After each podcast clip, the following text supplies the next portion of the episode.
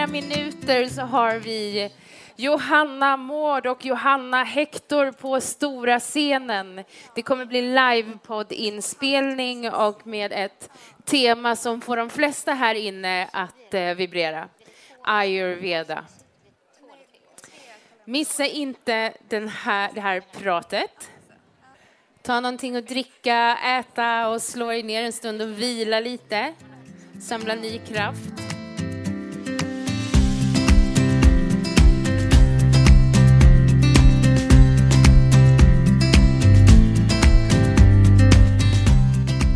Varmt välkommen till ett nytt avsnitt av Ayurveda-podden. Just det här avsnittet är som ni hörde inledningsvis ett väldigt speciellt avsnitt. Det är nämligen ett avsnitt som jag och Johanna Hector spelade in live inför publik förra helgen på Yoga Games i Stockholm. Temat för det här samtalet är prana. Även om avsnittet heter Allt om prana så finns det såklart mer att nämna än det som jag och Johanna hinner ta upp under en timme. Men vi får ändå med en hel del. Vi kommer bland annat att dela med oss av hur vi upplever att prana känns. Vi kommer berätta om situationer vi varit med om under livet då vi upplevt mera prana. Vi kommer också prata om vad skillnaden, eller snarare likheten, är mellan prana och det kinesiska konceptet qi. Och vi kommer prata om vad skillnaden är mellan prana med litet p och prana med stort p. Vi kommer också dela med oss av våra bästa tips för att fylla på med prana.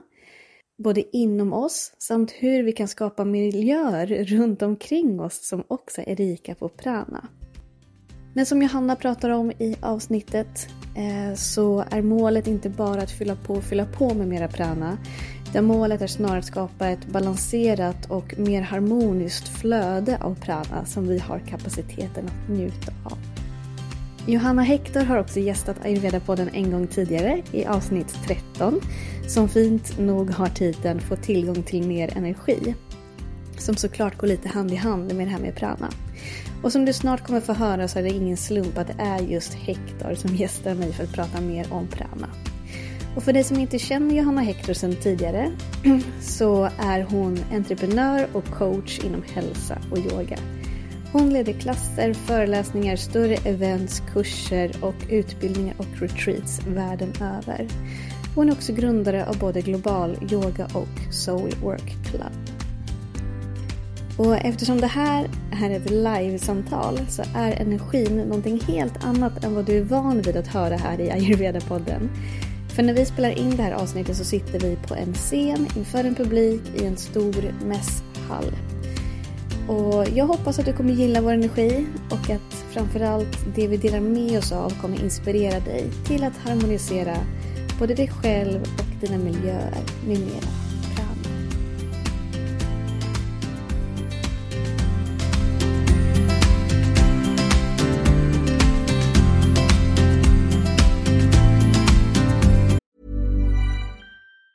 Have catch yourself eating the same flavorless dinner three days in a row?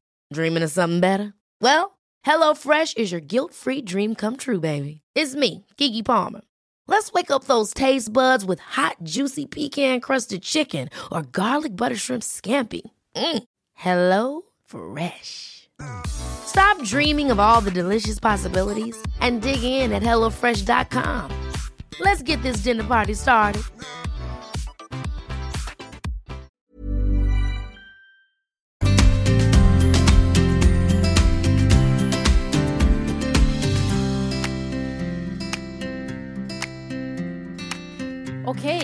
Så Johanna Mård är inte bara poddare, hon är eh, ett språkrör för ayurvedan.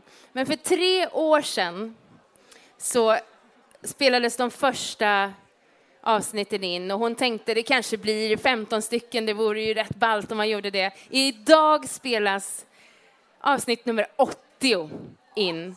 Eh, Johanna Mård tar ayurvedan lite bortom det här mystiska och in i livet. Hon tar eh, fram det praktiska och det konkreta. Och det är därför jag ser fram emot det här samtalet mellan Johanna och Johanna Hector lite extra mycket. För det är någonting som jag uppskattar hos de båda. förmågan att göra det på riktigt, göra det verkligt. Och ska vi nu ha som tema den här helgen att hitta vår inre röst så behöver vi ramverket från ayurvedan, tror jag. Varsågoda, scenen är eran. Tack snälla, snälla för den jättefina presentationen, verkligen. Jag tänkte själv inleda med att säga det just att som jag inleder typ alla avsnitt, att syftet med Ayurveda-podden är att låta ayurveda gå från något abstrakt och avlägset till något mer konkret och lättillgängligt. Så det var så fint att du fick med det i din introduktion där också. Och tillsammans med mina gäster så undersöker vi hur ayurveda kan göra skillnad för oss alla och vår hälsa. Och det känns ju som att ayurveda-podden har en sån solklar plats här på Yoga Games för att ayurveda och yoga går ju verkligen hand i hand. Så det känns jättefint att få vara här och jättefint att få ha dig som gäst, Johanna Hector. Tack för att jag får vara med. Jag känner att det inte behövs så mycket mer presentation av dig än att bara nämna ditt namn. För jag tror att eh, typ alla här har koll på vem du är. Jag tänkte att vi går in på ämnet på en gång. Vi ska prata om prana idag. Mm. Och som sagt, det finns ju ja, över 80 avsnitt av Ayurveda-podden och eh, prana har vi ju nämnt i jag vet inte, kanske alla avsnitt, men vi har inte haft något avsnitt som helt dedikerat till prana och det har vi först idag. Så vad skulle du säga, vad är prana för något? Eh, prana är livskraft. Kort, enkelt. Eh, sen kan vi prata jättemycket mer om det. Men det, det är väldigt enkelt. Eh, det är väldigt värdefullt. Eh, det är syftet med eh, allt, nästan, skulle jag vilja påstå. Och eh, det, det är ett väldigt vackert ord tycker jag. Man smakar på det. Prana, det här rullande ärren. Och, och sen kan vi ju ha prana med litet p, stort p. Och, ja, vi har mycket att prata om. Vad tänker du skillnaden mellan litet p och stort p? Alltså för, mm, för mig tänker jag i yogapraktiken så har vi någonting som eh, heter vajus som är vindar som styr eh, våra asanas, våra positioner i riktningen. Så vi har eh, samana vayu som för samman energin som lyfter. Vi har viana vayu som separerar, som sprider, som vidgar. Vi har eh, Udana Vayu, som många säkert känner igen från Udiana Banda till exempel. Det är den som lyfter upp när vi känner oss eh, deprimerade och tunga. Så finns det en, en vind som lyfter upp. Och så har vi Apana Vayu som eh, hjälper oss att eh, släppa taget eh, om saker. Ehm, Eh, allt ifrån på toaletten, men också släppa taget om åsikter, all information i dagens samhälle som vi inte ska lagra, som gör oss ängsliga. Eh, så där har vi apana vayu. Och sen har vi den femte vajun som är prana vayu. Och eh, det är alltså vinden pranavayu. Den går som en fontän ifrån hjärtat upp och ut. Och som är den femte vinden då, som är lite annorlunda än prana med stort P, som i livskraft. Precis, det finns olika typer av prana. Den här som du nämnde, prana med litet p, då, det, är den som, det, är en, det är en specifik energi som är en av vatans subdoshor som styr all, all typ av rörelse. Mm. Um, så det var den du nämnde också. Så vi har dels den typen av prana och prana som då översätts till i princip livskraft. Prana är den kraft som ger energi och liv till allt som är levande. Så jag tänker, uh, för att göra det lite mer bildligt då, skulle, hur skulle du säga hur upplever du brist på prana? Eller hur, hur, hur, känns, hur känns det när man inte har prana? Eh, nej men alltså brist på prana, det är direkt jag får upp i de här experimenten, ni vet när man sätter en hamburgare Eh, och så låter man den ligga i några år och sen ser den likadan ut. alltså det är för mig det jag tänker så här, det är brist på prana, att det, det är syntetiskt. Alltså det finns ingen, ingen näring, ingen livskraft, inga vibrationer, alltså inget intressant i den hamburgaren. Eh, så det är liksom bristen på prana. Det andra för mig när jag, när jag tänker på prana så eh, i naturen så är det ofta i form av en grodd Alltså, det tycker jag, den här, liksom, det här spirande våren för mig är en väldigt så här, pranisk period. Eh, Absolut, för vilket många också. Kan, det är härligt, många kan också bli lite trötta av det. För att ett och tre så blir det mycket som krackelerar, mycket som vill växa. Liksom, och det är både skört och starkt på samma gång, vilket, är en, vilket kan vara en utmaning. Eh, säkert många som kan relatera till det, att jag känner det så starkt men ändå så, så sårbart. Um, Och, så det, det är för mig liksom en symbol för prana. Och sen så ser jag det i ögonen hos människor jag möter. Alltså det, jag tycker att man kan, man kan se prana i ögon på människor. Att det är att man ser det där ljuset, människor som ler med ögonen. Som, eh, inte bara det att man vågar mötas med blicken men också att man, att man ser att men hej, är du, där, är du bakom där? Där är någon där. Och eh, ibland när vi går igenom livet, utmaningar, eh, trauman, så är det som att vi får liksom ridåer. Att det blir som ett, eh, en hinna som lägger sig för ögonen. Som, för där och då var det ett skydd. Men sen är det som att man har växt den huden så tjock. Så det är svårt att, att eh, göra den mjuk och tunn och genomskinlig igen. Så det kan jag också se väldigt mycket, att man ser det i ögonen på, på människor när det är någonting som kanske blockerar. Eller, um, och det är väl det, tycker jag är vackert, att prana är ju inget för mig inget statiskt, eh, utan det är, är, precis lika vackert som årstiderna. Att det behöver solljus, det behöver näring, det behöver tid, eh, det behöver få gå i cykler av att födas, av att få blomma ut. Och sen är det också dags att ge tillbaka och lämna tillbaka och dra sig hem igen. Och, och det tror jag någonting skulle, vi skulle må mycket bättre av i dagens samhälle om vi accepterade de cyklerna, om vi inte såg de cyklerna som en diagnos i att man är högkänslig, utan att det mer var det mest naturliga sättet att existera på. Gud, vilket fint svar på prana och vad, det är, vad, du, vad du associerar det med. Och det fick mig också tänka på att det är ju en stor anledning till att just du sitter här, att jag bjudit in just dig till det här avsnittet om prana. För att jag associerar Johanna Hector mycket med prana. Det här med att det glittrar i ögonen, det finns liksom liv där och det är som att du vad jag ser och hur jag känner det är att du spark joy. Och det är som att du har det här vibrerande energifältet av prana. E, eller hur? Ni som också har varit mycket runt omkring Johanna och följer henne. Så det, det är just verkligen därför du sitter här. Och om jag själv, när jag tänkte på det, hur ska jag måla upp prana som en bild. Om jag tänker på en, alltså prana inom oss, så är det som om det finns brist på prana, då är det lite som en dunkel källare. Det är, liksom, det är dåligt med luft, det är dåligt med ljus, det är lite stagnation. Då, liksom, om du tänker att den känslan är inom dig, då kan du känna att du har brist på prana. Eh, och motsvarigheten skulle jag säga mer som ett typ Alltså våren associerar jag också jättemycket till prana, de här knopparna. Och så ett, öppet, ett öppet fält där det bara finns så mycket ljus och rymd och luft och ett härligt flöde av energi. Den känslan skulle jag säga någonstans, om jag har en sån miljö inom mig skulle jag säga att min känsla är att jag är rik på prana. Någonting sånt. Jättevackert. Och det tror jag också är en viktig sak, att, att vi um att, att jag älskar hur du säger att, man, att du är rik på prana. Därför det är också det är därifrån jag försöker börja alltid. Alltså det är det som är den första rikedomen som sen kan attrahera andra rikedomar i livet. Men, men det, och det, den har vi alla tillgång till att kunna kultivera, att eh, nära, att arbeta med och det är också vårt egen ansvar att göra det, att inte dumpa på andra människor, att de ska göra det åt oss. Utan, och där har vi ju både väldigt mycket egenansvar och också mycket möjligheter i att kultivera vår egen prana. Absolut, verkligen.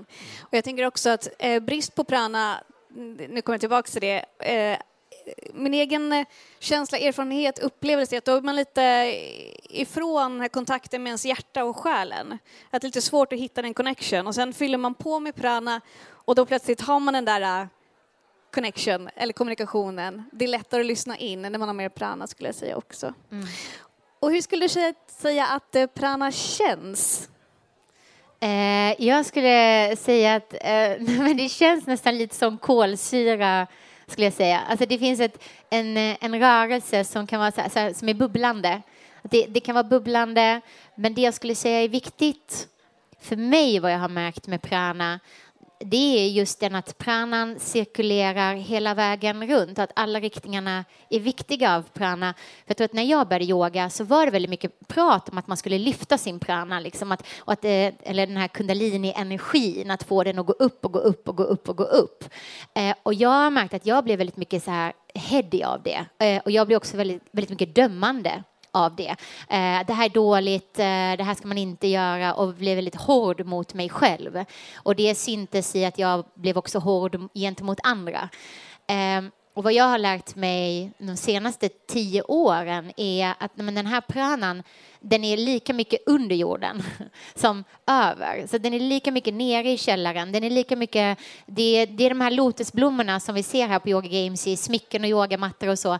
Men, men det är inte bara den här vackra blomman utan det är gyttjan och det är rötterna. Eh, och och det är någonting som jag har förstått mig själv bättre med tack vare prana. För jag har alltid älskat att gå in i mörker. Alltså jag, jag, älskar att gå ner i källare. Jag älskar att gå på bio på sommaren när det är solljus. Eh, därför att det blir för mycket ljus för mig. Så det är som att ja, men det är som vilken växt som helst skulle man behöva sätta skydd på för den bränns sönder av så mycket solljus. Och jag tror att det var någonting som jag missuppfattade prana med, att jag trodde prana bara var mer energi hela tiden. Men den energin är för mig också ner i kroppen. Idag, vad jag behöver som är en, jag är 41, jag har tre barn, jag driver tre bolag, jag är väldigt mycket uppe i huvudet hela tiden.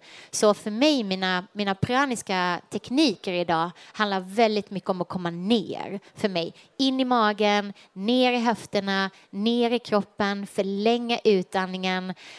Um, och det var nog inte en bild som jag hade av prana. Jag trodde mer att den var så här ljus och love and light och uppåt, det här kolsyrat. Men idag skulle jag också säga att pranan är för mig också som en djupt, djupt sovande orm under jorden och den är fuktig. Det är väl det som är skillnaden, att den är liksom fuktig, den är näringsrik, den är juicig, den är stilla, den är lugn, den är trygg, uh, den är moderlig. Eh, och det är en för mig väldigt näringsrik form av pranan. Också långt svar. Men... Mm, ja, långt svar. Fint att du kan hämta prana både uppifrån och nerifrån. Det, det är det jag hör. Jag skulle också säga att prana känns som kolsyra i kroppen. Det var det jag tänkte på. Eh, och som ett, men som ett vibrerande ljus när man bara känner att hela ens eh, varande bara vibrerar av ljus. Då är det mycket prana som är närvarande. Kan du komma på olika stunder eller händelser du varit med om där du upplevt mycket prana? Vad är det som har, vad är det som har orsakat mycket prana då? Åh, vilken jättefin fråga. Eh, jag kommer ihåg när jag blev kär i min man. Alltså det var jättemycket prana. Eh, när jag liksom fattade det, att så här, jag sov, vi, vi hade varit vänner länge och jag hade liksom inte det fanns ingen attraktion där. Jag tyckte han var lite tråkig och där, där. Och sen så när jag såg honom för första gången, jag bara, men där! Och då var det som att det var, det var verkligen energi när jag såg honom i ett helt annat ljus.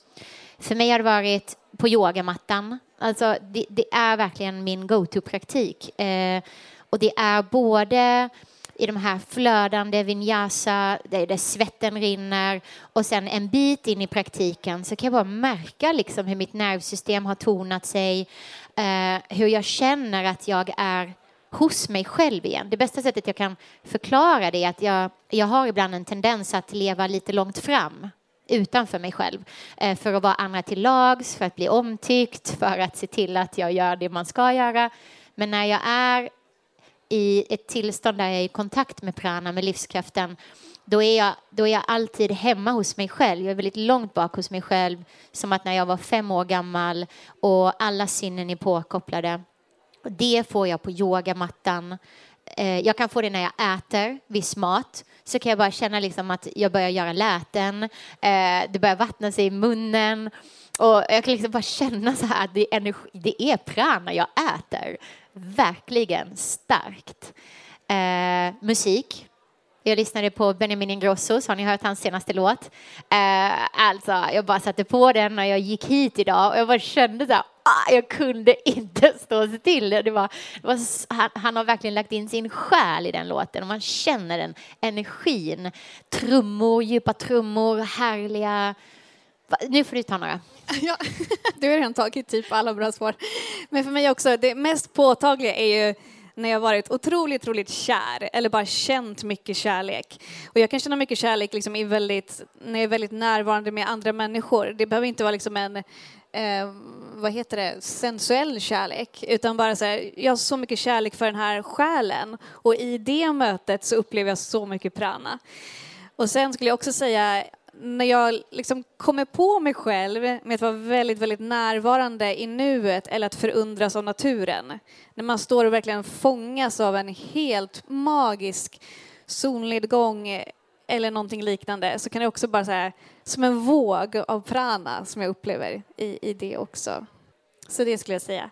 Ja, det håller jag. jag håller alltså naturen, verkligen. Och speciellt när man har en möjlighet att känna naturen. Alltså lägga sig ner på mossan eller hoppa i havet. Alltså att man kan känna det med fler sinnen än bara ögonen, när doften är med. Och, ja, verkligen. Så det skulle jag vilja säga är, alltså om man vill ha mer praniska upplevelser så är mitt tips att involvera flera sinnen. Mm. Alltså att involvera hörsel, involvera syn, involvera doft, involvera rörelse. Och där har vi ju väldigt mycket liksom små jag har ofta med mig eh, eteriska oljor till exempel. Så att dofta på lite lavendel eller pepparmynta, alltså det kan också få mig in i att boosta min prana, speciellt när jag är i syntetiska miljöer eller miljöer där det är eh, liksom onaturlig belysning och man känner att luften står lite stilla och så vidare. Då kan, kan det där, att använda sinnena eh, för att komma hem och ladda pranan.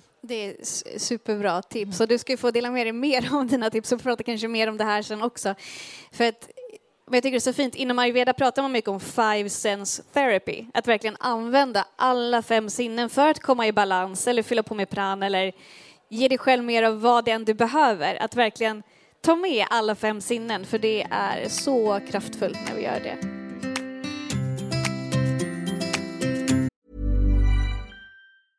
Hey, I'm Ryan Reynolds. Recently, I asked Mint Mobile's legal team if big wireless companies are allowed to raise prices due to inflation. They said yes. And then when I asked if raising prices technically violates those onerous two-year contracts, they said, "What the f*** are you talking about? You insane Hollywood ass." So to recap, we're cutting the price of Mint Unlimited from $30 a month to just $15 a month. Give it a try at mintmobile.com slash switch. $45 up front for three months plus taxes and fees. Promoting for new customers for limited time. Unlimited more than 40 gigabytes per month. Slows. Full terms at mintmobile.com. Hold up. What was that? Boring. No flavor. That was as bad as those leftovers you ate all week. Kiki Palmer here, and it's time to say hello to something fresh and guilt-free. Hello Fresh. Jazz up dinner with pecan-crusted chicken or garlic butter shrimp scampi. Now that's music to my mouth. Hello Fresh. Let's get this dinner party started. Discover all the delicious possibilities at hellofresh.com.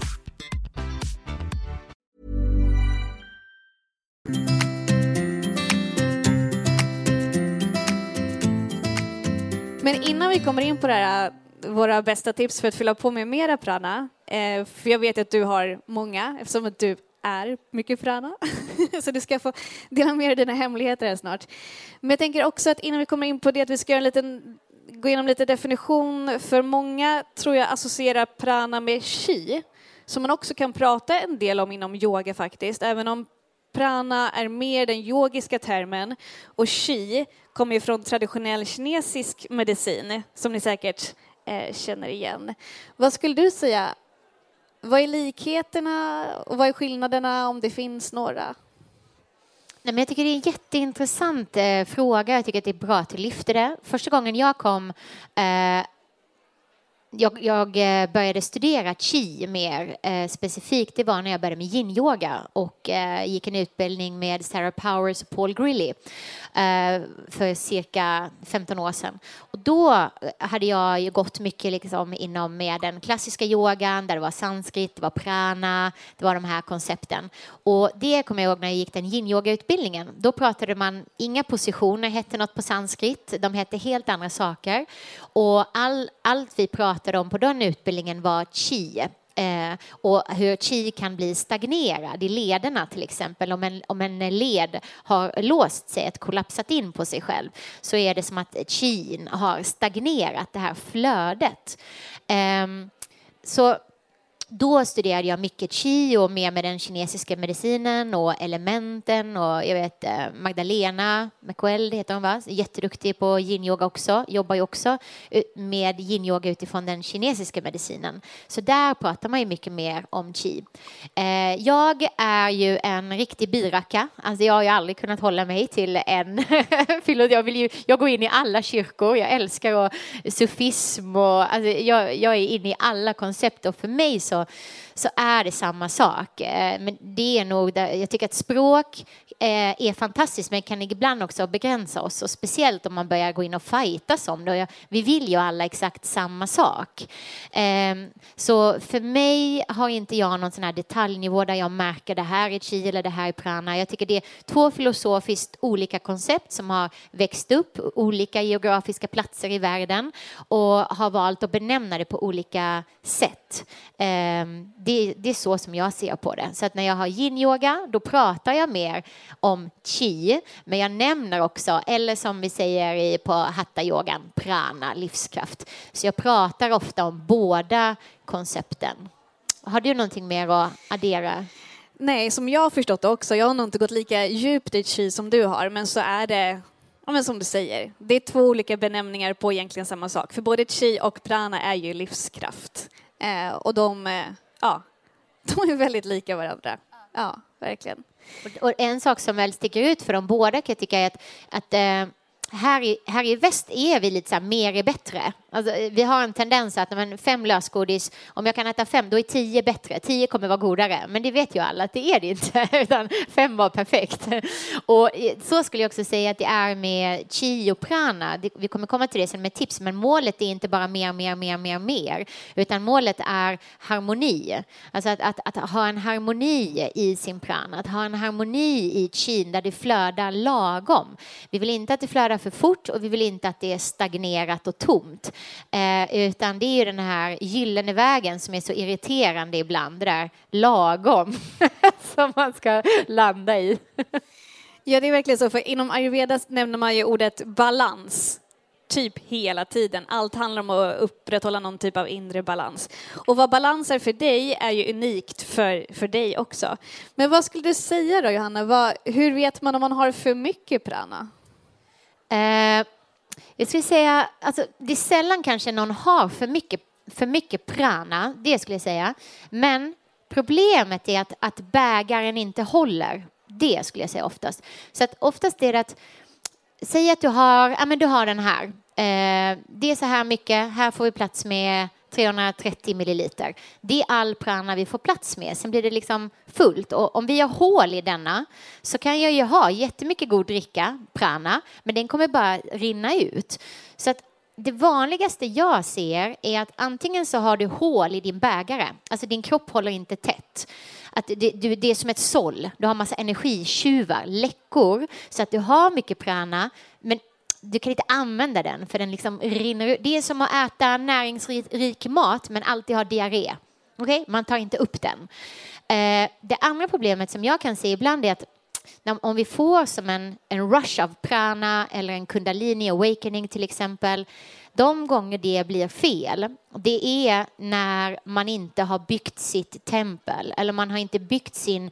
Det är som att sätta in en Ferrari-motor. Nu kan inte jag bilar, jag är helt ointresserad, jag vet inte varför jag tog den liknelsen. Men man sätter in en jättehästkraftig motor i en eh, pytteliten bil som inte håller och så gasar man och det kommer, det kommer krascha. Så det är väl det jag kan se ibland att, att det är väldigt sällan människor går runt och har för mycket prana den kan ha stigit till huvudet på folk, det kan man ju se. Och, det kan... och, och vad händer då? då? men man, man kan se att folk blir väldigt heady. Alltså väldigt, jag, skulle säga att det kan bli som ett, liksom ett vata-problem. Att, att det blir det, det kan ju du bättre, men att man, man övertänker, man överanalyserar eh, och det blir väldigt anxious, eh, ångest.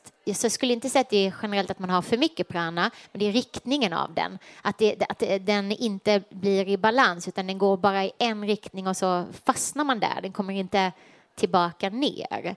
Men en viktig del är innan man ens börjar fokusera på att addera mycket mer prana så behöver man också se till att sin bägare att sin fysiska kropp kan hantera den och att man ser till att så här, men vad har jag såll, vad har jag läckor? Eh, och så lagar man det, för sen när man då väl investerar och kultiverar i pranan så blir det mycket mer effortless. Makes a lot of sense, verkligen.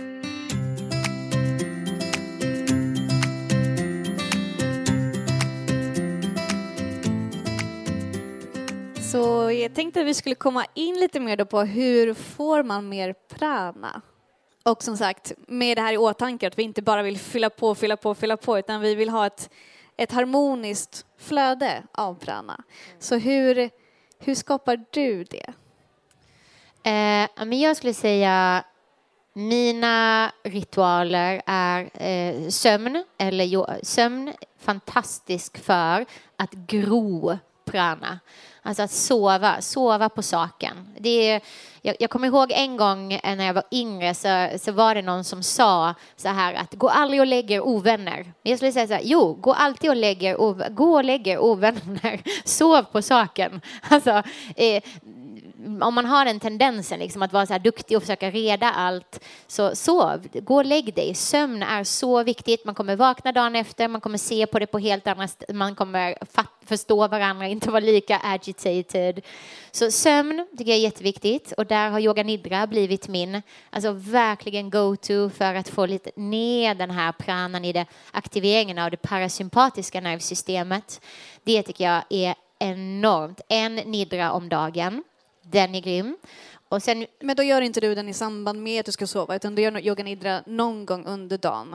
Oftast gör jag det. Så eh, jag gillar att göra det någonstans där efter lunch, är en bra tid för mig. Eh, ibland vaknar jag med nidra, så jag ställer väckarklockan en kvart tidigare Eh, för att mer komma in i det här kreativa spacet och sätta tonen för dagen. Eh, speciellt om jag kanske som idag vet att det är en full dag. Jag kommer inte ha utrymme för nidra under dagen, men jag vill ändå vara lite närmare mig själv redan från starten. Då är en yoga nidra på morgonen väldigt fint. Och ibland så somnar jag med en nidra eh, om jag har svårt att komma ner i varv. Då sätter jag en nidra och så som, somnar jag med den. Så att sömn skulle jag säga är liksom en byggsten för eh, nervsystemet att kunna kultivera den här inre pranan. Sen skulle jag säga natur, solljus. Eh, att exponeras för äkta solljus. Eh, vi bor ju här i Skandinavien, du och jag, och eh, det ser inte ut att vara mycket solljus, men det har jag lärt mig. Det är alltid mer sol än vad man tror. Så gå ut, ha inte solglasögon på er. Det räcker inte att sitta framför ett fönster, utan verkligen gå ut, försök få någon gång där på morgonen, få direkt solljus, för det aktiverar sen hela vår circadian rhythm som aktiverar alla celler i vår kropp och vi har ju klockor inne i alla celler. Ehm, så det skulle jag säga är ett väldigt bra tips. Och det förbättrar ju sömnen också.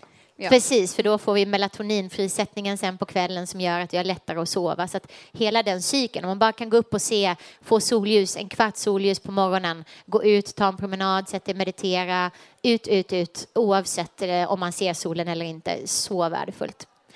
Sen skulle jag säga mat. Eh, absolut mat. Eh, det finns ju en anledning i varför man i Italien till exempel får så många olika rätter. Det är därför att vi, vi är gjorda för att tugga mat och det finns en anledning varför man äter sallad först. Därför att det är jätteviktigt för matsmältning att tugga maten.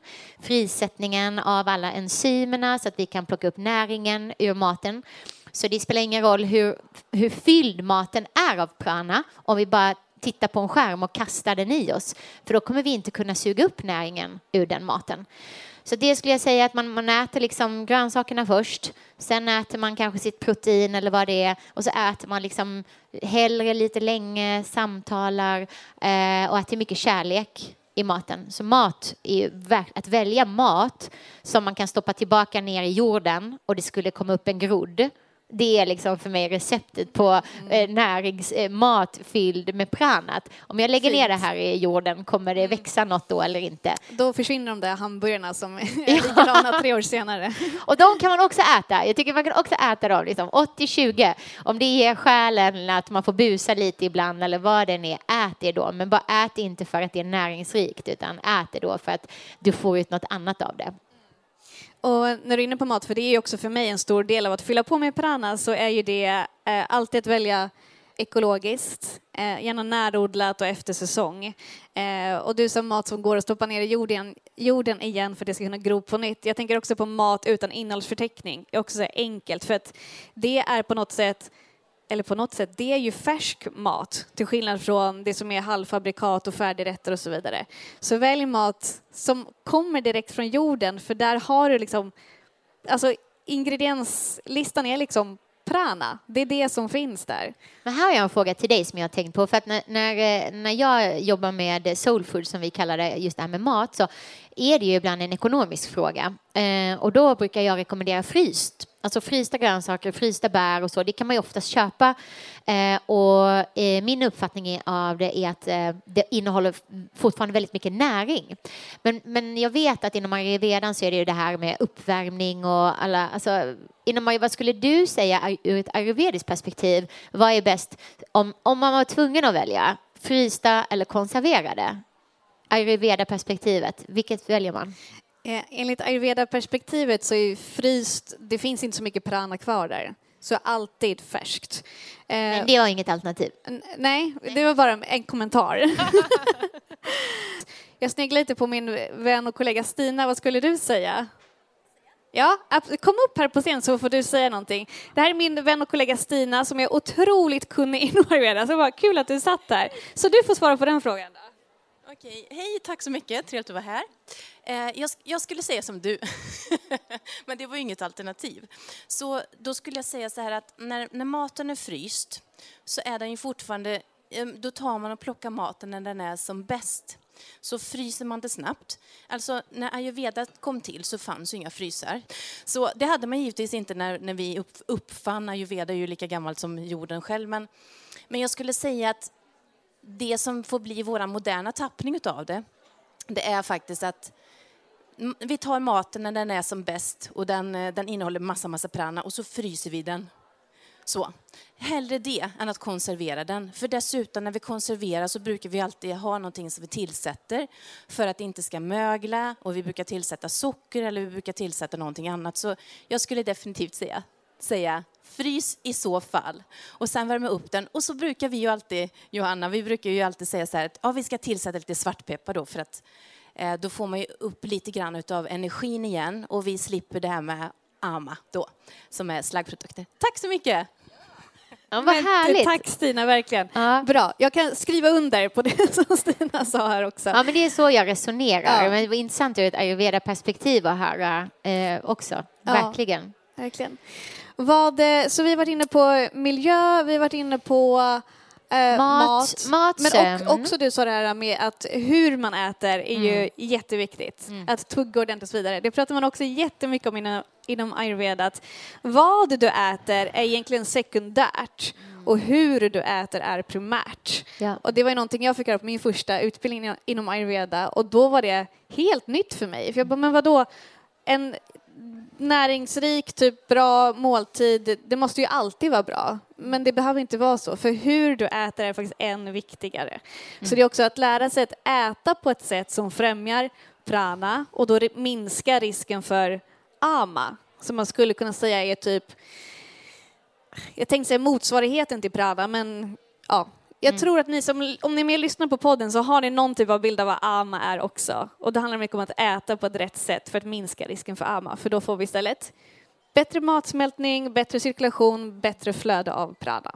Och där är ju också, alltså, som har med ayurveda att göra, men jag tänker ofta på att äta när man är hungrig. Eh, och jag kan tycka att det är ett väldigt tjat i dagens samhälle att man ska äta på vissa tider och att man ska äta mellanmål och allt det där. Och jag som har en bakgrund av ätstörningar för länge sedan, eh, det tog mig ganska lång tid innan jag hade modet att säga så här, nej men jag är inte hungrig så jag vill inte äta.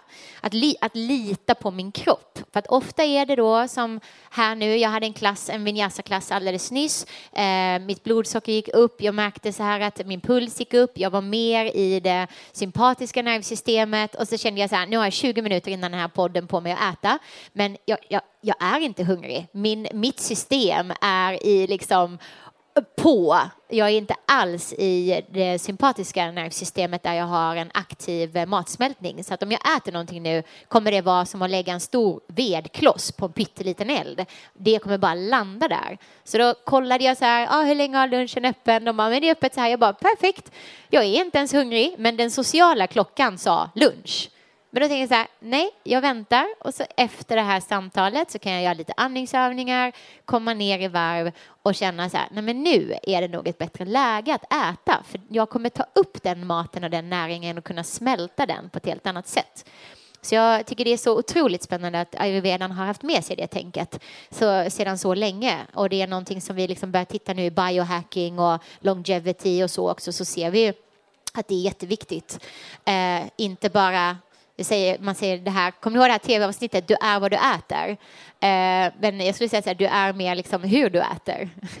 Enligt ayurveda säger man du är vad du smälter. Ja. Du är vad du kan smälta. Ja, exakt. Det är väldigt, väldigt bra. Mm. Och det gäller både mat men också att smälta känslor, smälta sinnesintryck och så det finns ett väldigt holistiskt perspektiv enligt ayurveda så att du är vad du smälter. Ja. Ja. Så det är mat. Eh, får jag lägga några fler? Absolut. Vi kommer in fler. Eh, rörelse, givetvis. Eh, där kan jag tycka att man kan vara intresserad av rörelse som ger, eh, föder prana. Eh, och man kan säga att eh, mycket av den träning vi gör idag är ju en stress på kroppen. Eh, styrketräning, konditionsträning och sådana saker. Det stressar i kroppen och så det bryter ner kroppen. Så kortsiktigt minskar det ju din prana. Men om du återhämtar dig rätt, alltså om du ser till att du verkligen får in återhämtningen, då kommer det ju långsiktigt eh, ladda dig med prana. Men om du är redan i ett tillstånd där du är ganska nedbruten, du är lite stressad, du har någon inflammation, du håller på med någon läkning, du bär på något trauma, då skulle inte jag lägga in den här mer högintensiva rörelsen, för det kommer bryta ner dig ännu mer. Då skulle jag istället se på work-in, alltså eh, rörelse som är kanske mer qigong, eh, yin-yoga, lymfyoga, lite liksom mjukare former av yoga, eh, ja, sådana praktiker, andningsövningar, breathwork som är lite liksom åter mer lugnande, inte holotropic breathwork och så, utan alltså kanske lite mer så återhämtande tekniker eh, där man andas min, mindre istället för att andas mer, just för att börja fylla upp och boosta det här laget av, av prana. Sen har jag två stycken till tips. Kör. Kör. Konst. Jag tycker konst är otroligt viktigt. Konst i form av film, musik, foto, poesi, böcker. Vi behöver konsumera det. Vi behöver gå på konstutställningar, se, konsumera. Vi har det här, det föder den pranan i vår, i vår själ, det här filosofiska. Vi har alltid varit meningssökande varelser som behöver jobba med våra hjärnor, som behöver bli, bli liksom påverkade, att se ett konstverk och inte fatta det eller vad, vad känner jag, jag vet inte. Alltså jag tror det är otroligt, otroligt viktigt att, att vi går ut och tittar på film, foto, lyssnar på musik som är mer svårsmält, alltså som kanske inte bara trendar på TikTok utan uh, som kräver lite mer av oss, för det kommer i sin tur göda pranan. Och sen den sista som uh, jag vill lyfta som också är jätteviktig, det är orgasmer. Och jag tänkte på det innan, när, för tillbaka till det här, vad kan hända om man får för mycket prana? Eh, och jag har en take, jag bara säger det nu när jag kommer på det nu, får se om ni, ni håller med. Och jag bara kastar ut det där. Och jag tror att de saker som sex, pengar, makt, det är, det är väldigt mycket prana i dem. Och när vi får dem för mycket, problemet är när vi går in i dem, då kan vi bli beroende. Och det tror jag är en fara, att många av oss som har, liksom, vi får den här kicken och blir beroende av det. Eh, och det tror jag kan vara en, far, eh, liksom en av farorna med de här olika teknikerna som är väldigt, väldigt laddade med prana. Att om man inte har sitt ankare, och om man inte redan är liksom att man i sin disciplin att vända hem och vända hem och vända hem, då tror jag det är lätt att man spi, alltså spiral iväg på, på filmsajter eller makt eller pengar eller vad det än kan vara.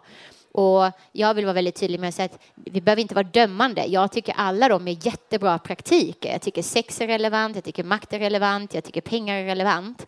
Eh, men när de styr dig istället för att du leker med dem, då blir det problematiskt.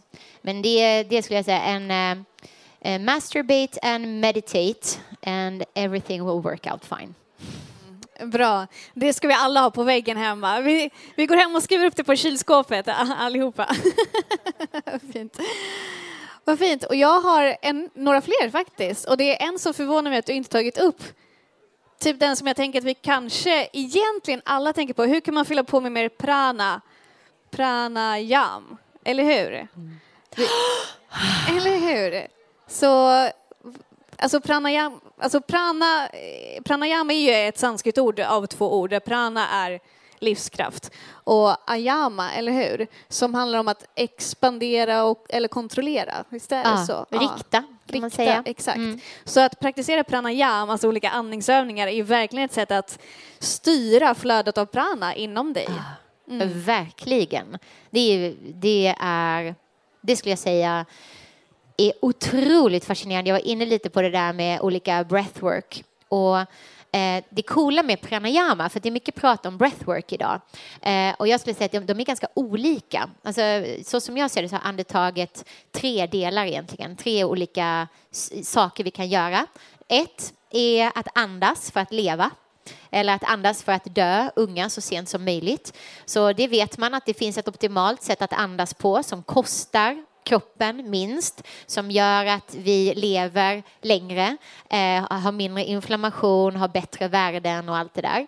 Och det är ju en speciell teknik i sig. Och det är väldigt få som andas så i dagens samhälle. Eh, eh, de flesta av oss andas alldeles för mycket och eh, genom munnen. Och kort sammanfattat så ska vi egentligen andas genom näsan och få andetag per minut. Det är liksom det optimala sättet att andas på.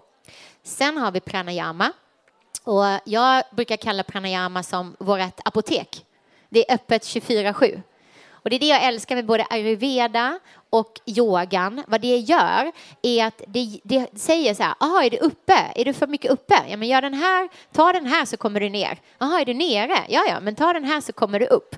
Mm, eh, och är du där? Ja, men då gör vi den här. Och det är det som jag tycker med pranayama, till skillnad från breathwork som vi ju gör för eh, transformation. Alltså det är nästan som en terapi där du kan lösa upp trauman, där du kan verkligen, där andas du jättesnabbt. Eh, så att det kontrasten nästan till så som vi vill andas eh, i vardagen.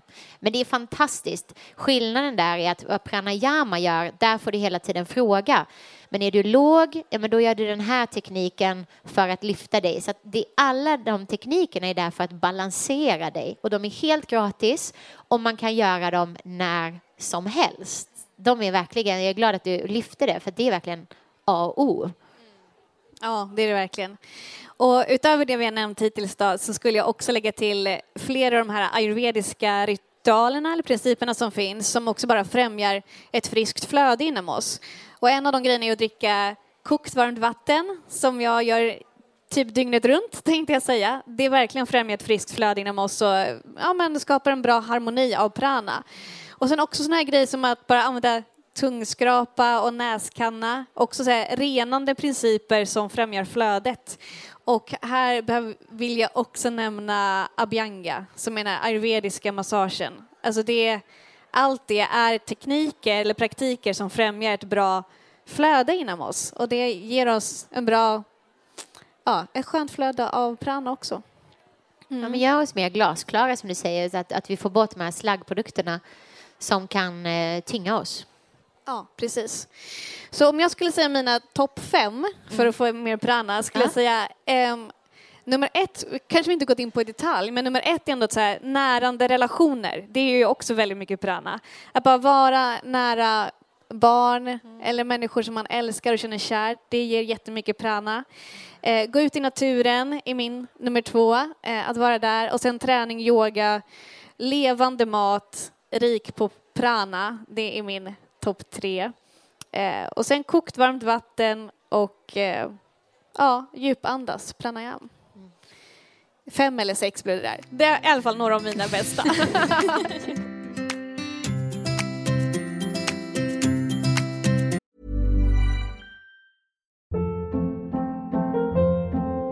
Hold up. What was that? Boring. No flavor. That was as bad as those leftovers you ate all week. Kiki Palmer here, and it's time to say hello to something fresh and guilt-free. Hello Fresh. Jazz up dinner with pecan-crusted chicken or garlic butter shrimp scampi. Now that's music to my mouth. Hello Fresh. Let's get this dinner party started. Discover all the delicious possibilities at hellofresh.com.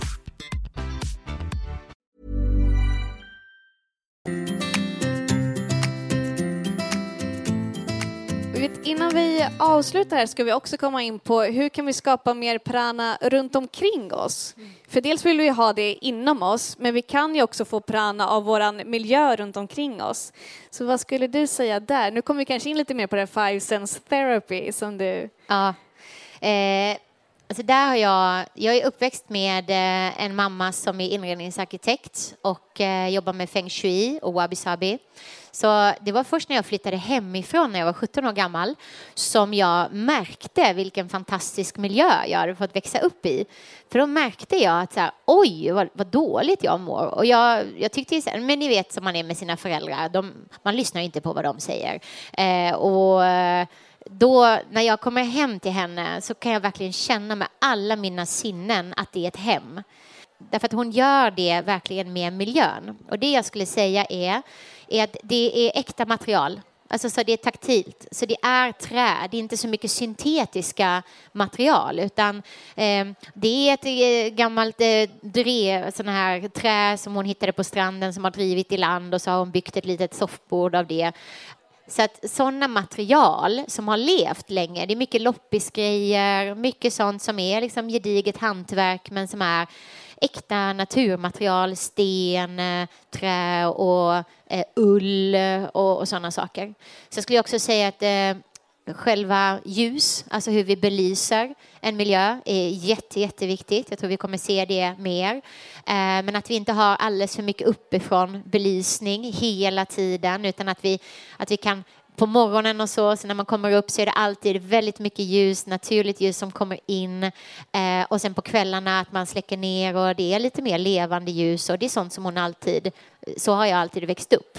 Och sen doft, det är alltid någon rökelse som står och brinner i något litet vrå eller någon udd som hon har köpt med sig från Marrakesh. Och, alltså, bara jag kliver in där så kan jag känna liksom att vilopulsen, allting bara går ner därför att det finns de, alla sinnena är med. Och det sista jag skulle säga är att men det finns små altare överallt och det är inte altare kanske så som man tror men det är saker som betyder något och som bär på historia. Inte så mycket saker för att det är snyggt inredningsmässigt eller trendigt utan det är saker som jag tog med mig hem när jag bodde i Sydafrika och så har hon lagt det och det är någon lapp som min lillebror skrev och alltså det är sådana saker som har fått kärleksfulla placeringar som är naturliga altare och jag tänker på att vi människor har nog alltid gjort så i urminnes tider. Men idag när vi inreder miljöer så tänker vi oftare på blir det snyggt på Instagram och är det trendigt nog?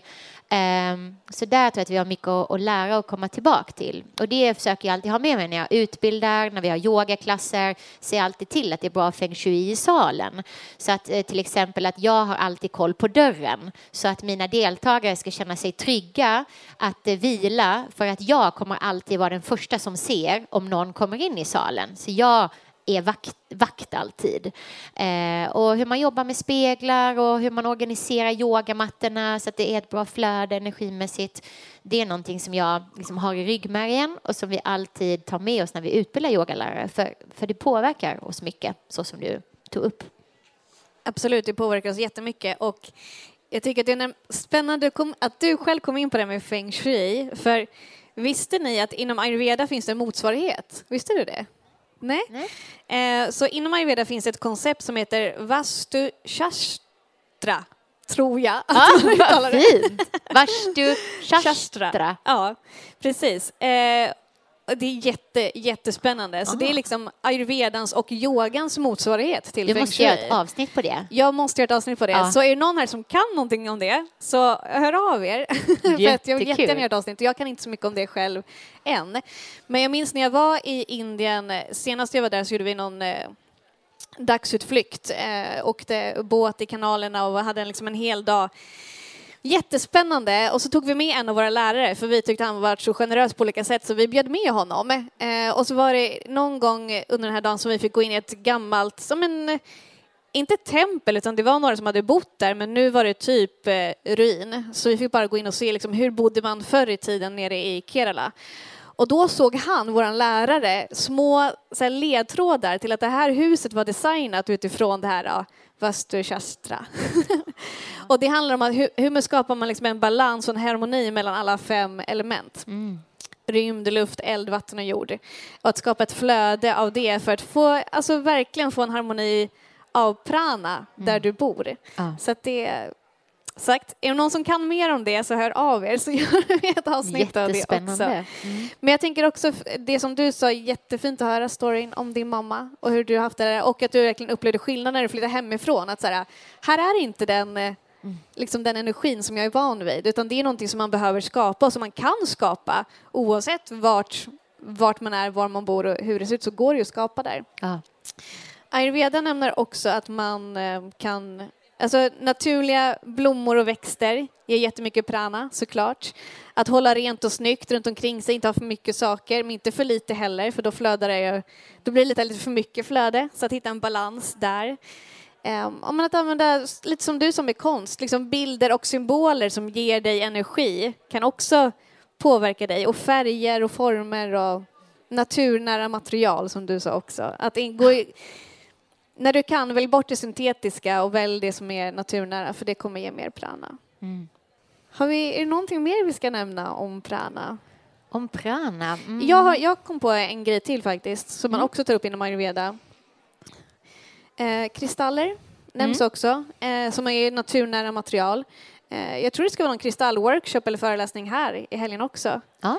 Där man kan få lära sig mer om det. Men det man också ayurveda att kristaller vibrerar ju, har ju olika vibrationer så det kan också bidra till prana. Och där, återigen, välj det som du gillar, som du tycker är bra. Och också sätt dina egna intentioner och gör om du tänker i ditt hem, gör saker i ditt hem som du mår bra av. Så om du mår bra av att yoga och meditera, gör gärna det hemma. För den vibrationen som du skapar inom dig kommer påverka din miljö runt omkring dig också. Och sätt dina intentioner.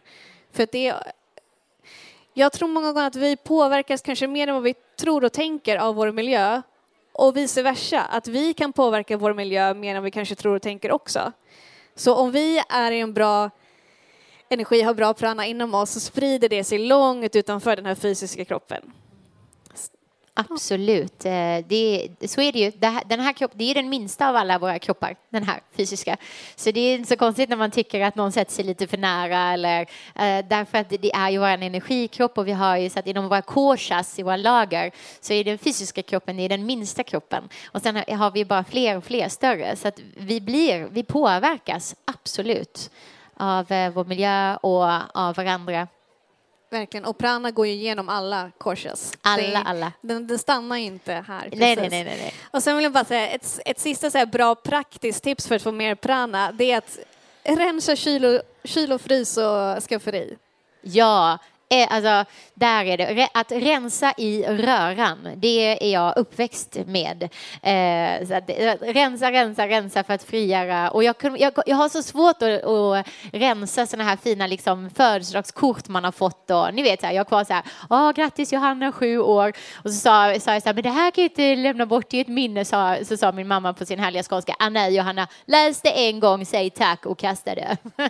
så, och, så det är liksom att eh, det är jätte jätte, jättebra energi att rensa i röran och ge vidare, vara klar med saker. Jag tror att många av oss, eller jag i alla fall, jag har en tendens att, att bära med mig saker eh, och istället ha tillit till att men det var att jag kommer ha det i minnet för alltid. Det kommer vara kvar. Jag behöver inte spara alla korten. Jag tror att det är en jättebra grej att rensa saker. Men framför allt, jag hoppar tillbaka till kylen och frysen.